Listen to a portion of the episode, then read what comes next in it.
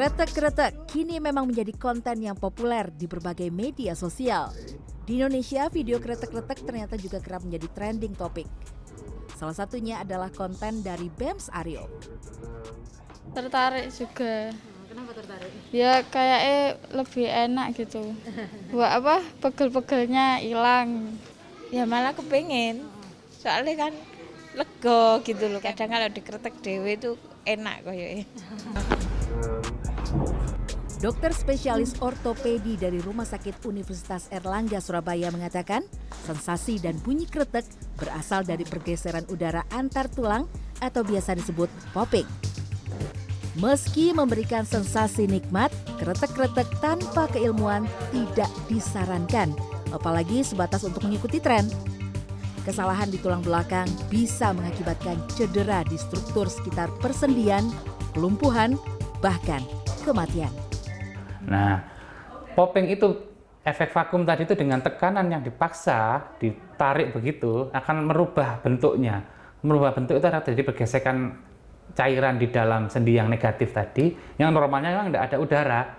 Space-nya itu sempit, tidak ada udara. Tapi kalau diregangkan gitu kan seolah-olah kita terbentuk udara di tempat yang vakum. Nah itu akan memunculkan suara popping tadi itu. Pergerakan air dengan udara yang harusnya tidak ada. Udara vakum yang dimunculkan gitu. Ya, metode perbaikan tulang ini harus dipelajari secara mendalam. Seperti metode titar yang dikembangkan sebuah klinik di kawasan Rungkut Mejoyo Selatan, Surabaya. Metode titar telah dikembangkan sejak abad ke-19 di Tiongkok di kalangan para medis bela diri. Untuk menguasai metode perbaikan tulang ini, seorang terapis harus menempuh pendidikan formal. Kebetulan guru kami ada kerjasama dengan universitas di UK, sehingga lulusan dari situ kita mendapat gelar diploma. Jadi bukan hanya sekedar kursus, tapi ini memang benar-benar sekolah bone setting. Jadi ada lower back dulu, eh, pinggang bagian bawah, lalu ada leher dan punggung bagian atas, lalu ada tangan dan kaki, lalu ada shoulder, ada bahu. Untuk teknisnya tak hanya sebatas kretek-kretek saja, perlu penguasaan anatomi tubuh, fungsi gerak otot, dan juga struktur tulang. Untuk pengembalian posisi tulang, terapis kerap meminta pasien untuk melakukan foto tulang baik dengan sinar X ataupun MRI. Tujuannya untuk mendapatkan gambaran yang jelas tentang kondisi tulang belakang. Jadi kalau kita rame melihat konten kretek-kretek gitu ya, yang diekspos tuh selalu kretek-kreteknya aja. Tapi kalau ini di metode titar, ini yang saya rasakan pertama ini adalah ada massage do. Kalau menurut sifunya ini untuk melemaskan otot-ototnya supaya nanti untuk bone settingnya itu bisa lebih optimal. Lalu massage dulu ya. Setelah mendapatkan data permasalahan tulang belakang, langkah pertama adalah menyeimbangkan komposisi tulang belakang bagian leher.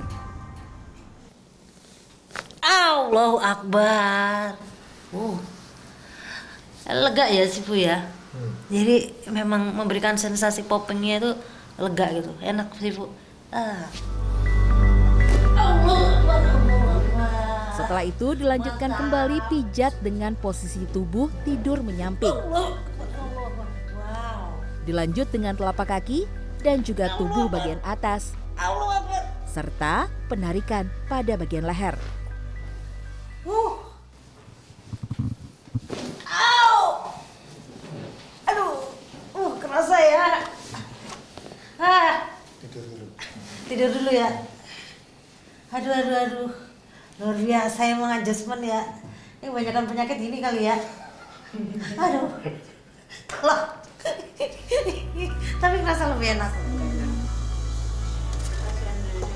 Selain pijat otot dan penyesuaian tulang, terapi di tempat ini juga dikombinasikan dengan pemberian ramuan herbal dari 42 jenis akar tumbuhan yang selanjutnya bisa ditempel secara manual ataupun dibentuk instan berupa patch atau koyo.